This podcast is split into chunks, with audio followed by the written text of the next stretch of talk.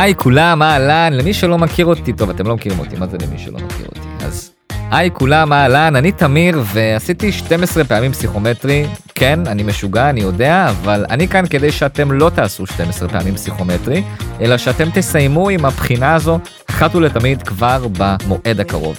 הייתי בדיוק איפה שאתם נמצאים, אי שם לפני הרבה שנים, ואני יודע מה זה לעבור עוד קורס ועוד ספרים ועוד שאלות ועוד אכזבה.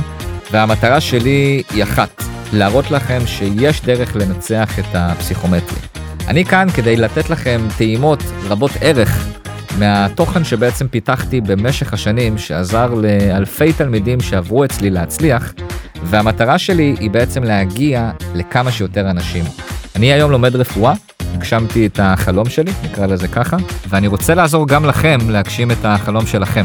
אז um, אני אפגוש אתכם בפרקים השונים, מקווה מאוד שאתם תפיקו מהם ערך. אם בא לכם לשמוע עוד, להתייעץ לכל דבר, הפרטים שלי יהיו בתיאור של התוכנית. אני כאן עבורכם, שיהיה לכם המון הצלחה, ובואו תנצחו את הפסיכומטרי. אהלן, ברוכים הבאים, תודה שחזרתם אלינו לפרק השני של איך לנצח את הפרק המילולי. ודניאל, אני רוצה לקחת אותך באמת לאיך אנחנו שולטים בפרק הזה. Mm-hmm. שליטה. אז בעצם, כמו שאנחנו כבר uh, בטח יודעים ויודעות, הפסיכומטרי לא מספיק לדעת בו את החומר ולהכיר את הגישות, כי אז בעצם מגיע המבחן ושחור בעיניים ולא ברור מה קורה. אז אנחנו מאוד רוצים ורוצות לייצר עבור עצמנו תחושה של שליטה בפרק, ולא שהפרק שולט בנו, שזה מה שקורה בדרך כלל. כשאנחנו מנסים מהר מהר מהר להספיק הכל, מרגישים כאילו הפרק גורר אותנו ממש בצווארון, וגם מסיימים עם הלשון בחוץ, וגם בדרך כלל לא מסיימים את הפרק. אז לא ככה, אוקיי? אנחנו נרצה לייצר לעצמנו תחושה של שליטה. עכשיו, איך הדבר הזה מתבצע? הפרק המילולי מחולק בגדול לשמונה נושאים. את שניים מהם מאוד קל לזהות, שלושה אפילו. אנלוגיות זה אנלוגיות, טקסט זה טקסט, ובאמצע כל הבלגן. השלמת משפטים גם קל לזהות, אבל בסך הכל, כל ההבנה וההסקה, יש שם שאלות שנראות פחות או יותר אותו דבר, פסקאות כאלה, אבל זה לא אותן שאלות, זה לא אותו סוג של שאלה. יש שאלות פסקה, שאלות חשיבה מחקרית, שאלות uh, משל, שאלות כללים וכיוצא בזאת, ואני רוצה להתחיל לקרוא שאלה כשאני יודעת לאיזה עולם אני נכנסת. עכשיו, איך אנחנו עושים את זה? אז בעצם להבדיל ממה ששמענו ככה הרבה פעמים, אני כן בהבנה והסקה תמיד אקרא ברפרוף קודם את משפט השאלה ולא את הפסקה עצמה. ברפרוף אבל, נכון? ברפרוף. אני לא מתעמק יותר מדי. נכון, כי עוד לא קראנו את הפסקה אז אין מה להתעמק. אבל למה ברפרוף? כי בעצם לכל אחד מהסוגים של השאלות יש ניסוח שונה. למשל, שאלות פסקה זה יהיה מה מסכם, מה משתמע, זה שאלות פסקה קלאסיות. שאלות של חשיבה מחקרית, זה מה מחזק, מה מחליש וכיוצא בזאת. ושאלות של משל, זה יכול להיות מה יכול להיות שאמרה דנה לתלמידיה, אוקיי? זה ניסוחים שונים לחלוטין, שרק מהרפרוף הקליל הזה, כשאנחנו נכנסים בעצם לשאלה, אנחנו כבר יודעים באיזה עולם אנחנו נמצאים, ואז אין מצב שאני אקרא פסקה ופתאום תהיה לי איזו הפתעה שביקשו ממני משהו שבכלל לא, לא כיוונתי אליו, שזה מביא לנו בדרך כלל הלם קרב, אוקיי? אז ככה אנחנו בעצם אה, מגיעים למצב של יותר שליטה בפרק, יודעים לאיזו שאלה נכנסנו, ולכל שאלה יש את שיטת העבודה שלה כמובן, וכבר יודעים מראש איך להתחיל להתניע. זאת אומרת שברגע שאני שולט בגישה לכל סוג שאלה וברגע שאני מזהה את סוג השאלה בזמן אמת אז קל לי יותר כי אני אומר אוקיי חשיבה מחקרית יש לי בדיוק 2-3 אופציות בוא ניגש בעצם למה שאני יודע באשר למחזק מקליש נכון וכולי. מאוד בדיוק ה-2-3 אופציות אני מרגישה שאני המלכה פה אני יודעת מה קורה בשאלות זה לא שאני נגררת אחריהן אוקיי ואז גם אפשר ככה אה, לתמרן לחשוב אולי לדלג על משהו לגשת למשהו לפני או אחרי כלומר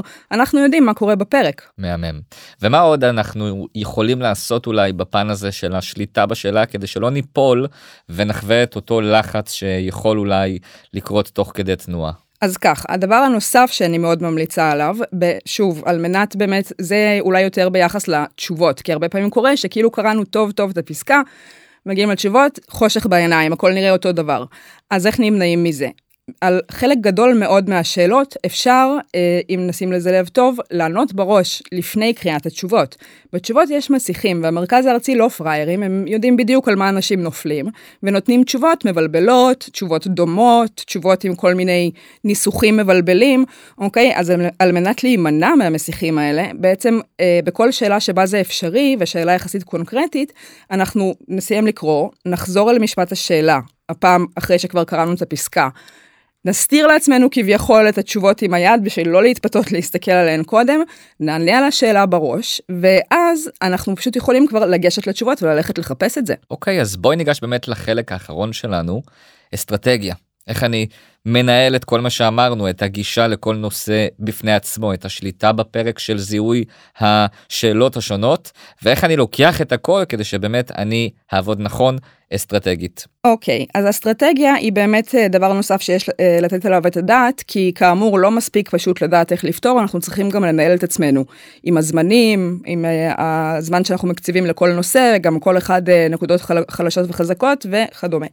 אז דבר ראשון, אנלוגיות, אה, אנחנו תמיד נעשה בהתחלה, אוקיי? אנלוגיות זה שש שאלות, שאחרי שאנחנו נשלוט בהן כמובן בצורה מקסימלית, ייקחו לנו משהו כמו שתי דקות, שתיים ורבע דקות לשש תשובות נכונות, זה זהב, אנחנו לא מזיזים את זה מההתחלה, אוקיי? עכשיו, הדבר הנוסף, הנקודה הנוספת שאני אישית ממליצה עליה, זה מתי למקם את הטקסט. יש אנשים שפותרים בעצם את הפרק לפי הסדר, פחות מוצלח, כי בעצם גם הקטע הקריאה זה חלק מאוד מלחיץ, הוא גם בא במקשה אחת, כלומר אי אפשר לפצל אותו, לעשות חצי טקסט, לדלג, לחזור, זה לא עובד.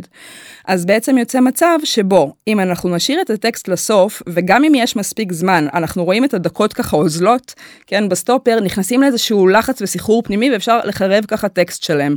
אז גם את הטקסט רצוי לא להשאיר לסוף. יש איזה משהו גם שאני שונא, שאני שומע תלמידים באים אליי ו... אומרים לי כן אני כשאני רואה 13 דקות בסטופר אני עובר לטקסט. עכשיו זה באמת נכון לומר אה, קודם כל את הטקסט אנחנו ננסה לא להשאיר לסוף אבל בהמשך ישיר למה שאמרת אני לא הולכת לפי הסטופר הסטופר לא מנהל אותי. בכלל למעשה אני תכף גם אתייחס לזה יותר ברחבה אני בקושי מסתכלת בו עכשיו אופציה אחת. תזרקי אותו לפח וזהו. אני אישית חובבת, אוהבת לפתור מבחנים בלי סטופר, ברור שנביא אותו לבחינה, אבל שוב, הוא, הוא בעיקר ליופי ולתחושת ביטחון, אוקיי? אנחנו לא יכולים להיות אה, דבוקים אליו, כי מה שקורה הרבה פעמים זה שכמו שאתה אמרת בעצם, אז אנחנו מקציבים לשאלות זמן שהוא לא באמת דרוש. למה 13 דקות, ומה אם הטקסט אני אוכל לפתור אותו, ספציפית הטקסט הזה, בחמש דקות ולא בשבע, אז למה זה טוב בעצם? זה כאילו אנחנו מקבעים אצלנו, אצל עצמנו איזושהי תפיסה מסוימת, שלפיה אני חייבת שבע דקות לטקסט, זה ממש לא נכון, אוקיי? אז זה דבר ראשון. ודבר שני, כשהסטופר ככה לידינו, אז uh, אנחנו בלי לשים לב, הרבה פעמים פשוט ככה מגניבים איזה מבט לסטופר באמצע שאלה. אין משהו שיותר מוציא מריכוז ויותר מבלבל ויותר מלחיץ מלהיות באמצע פסקה, באמצע מילה, אנשים לפעמים מסתכלים בזמנים. לא לעשות את זה.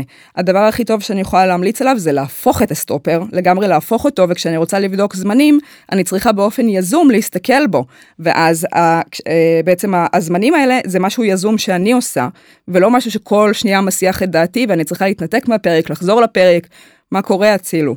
מדהים לראות את זה גם בטח אה, יצא לך בתור מורים תלמידים שלנו שהם עכשיו פותרים פרק עם הסטופר והם פשוט מביטים בו כל הזמן. בלי בעיקר, לשים לב אפילו. בלי לשים לב וגם בעיקר אחרי שפתאום משהו פחות הלך כשהם פתאום בלחץ בתת מודע שלהם בלי שהם שמו לב והדבר הזה מוציא אתכם מפוקוס בין אם אתם רוצים ובין אם לא אז באמת אנחנו לא רוצים לתת לסטופר לנהל אותנו עכשיו בואי נהיה פרקטיים אם ככה מה אנחנו עושים? מתחילים עם אנלוגיות. קטע קריאה אנחנו לא רוצים לקבע את עצמנו. אז קטע קריאה יש שתי אופציות בגדול.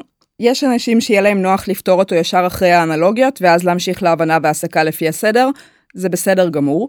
אופציה נוספת שאישית אה, לי היא יותר נוחה, ואנחנו נזכור שהמטרה של האסטרטגיה היא בסוף שלנו יהיה נוח, אז אפשר לנסות גם וגם, זה לעשות אנלוגיות, לגשת להבנה והסקה, אבל לא עד הסוף, כלומר לפתור הבנה והסקה עד שאלה 13, אולי 14, כל אחד, אבל בעצם שזה יהיה שאלה קבועה, אוקיי? ולא לשחק עם זה, ולא לפי הזמנים, אלא לפי מספר השאלה. אחרי זה לעבור לטקסט, מה שמשאיר לנו בוודאות מספיק זמן בשביל לסיים אותו בלי לחץ, ואז נחזור לשאלות האחרונות של ההבנה והסקה, ושם מקסימום, מקסימום אני רואה שאין לי מספיק זמן, אני מוותרת על שאלה אחת, ולא מחרבת טקסט שלם בצורה ועדיין כזאת. ועדיין אפשר להוציא ציון מדהים אם ויתרתי על שאלה אחת, גם עם 22 זה משהו שחשוב לי מאוד להדגיש, לאנשים יש הרבה פעמים נטייה לרדוף אחרי 23 שאלות. אם כולנו היינו פותרים את כל השאלות במבחן, את כולן, היינו מקבלים 800. זה לא ציון שדרוש לאף אחד. אוקיי? אז בהחלט, בהחלט אפשר להגיע לציונים מאוד מאוד גבוהים, 750 וצפונה, אם, אה, אם לא להספיק שאלה. פה ושם לעשות איזושהי טעות נקודתית, זה חד משמעית, אה, אנחנו רוצים יותר תשובות נכונות ולא להגיע ליותר שאלות, זה נכון. ורק שאלה אחת שאותי סקרנה כי אמרת אה, שאנחנו נעצור את עצמנו בשאלה מספר 12 13 14 האם את יודעת לשים את האצבע איפה בדיוק כדאי לנו לעצור הרי כל אחד מאיתנו הוא שונה איך אני אדע איפה נכון אני עוצר. מאוד כל מקרה לגופו זה נכון אנחנו צריכים לבחון את עצמנו אוקיי אה, לפי ההספק שלנו עכשיו בשאיפה. זה ילך ויעלה עם התרגול, אבל אם אני יודעת שאני באופן קבוע לא מספיקה פרק מילולי בשום צורה ותמיד נשארות לי איזה ארבע שאלות, אז אני אעבור לטקסט אחרי שאלה 12. אוקיי? אם אני יודעת שלרוב אני כן מספיקה את הפרק, או אולי שאלה אחת לא, אני אעבור אחרי שאלה 14. אוקיי? אבל אני ממליצה תמיד להשאיר לסוף לפחות שלוש שאלות אחרונות של ההבנה והסקה. מהמם. תודה רבה דניאל, אני שמח שדיברנו. בשמחה רבה. מקווה שנתנו לכם ערך, נתראה בפרק הבא. בהצלחה.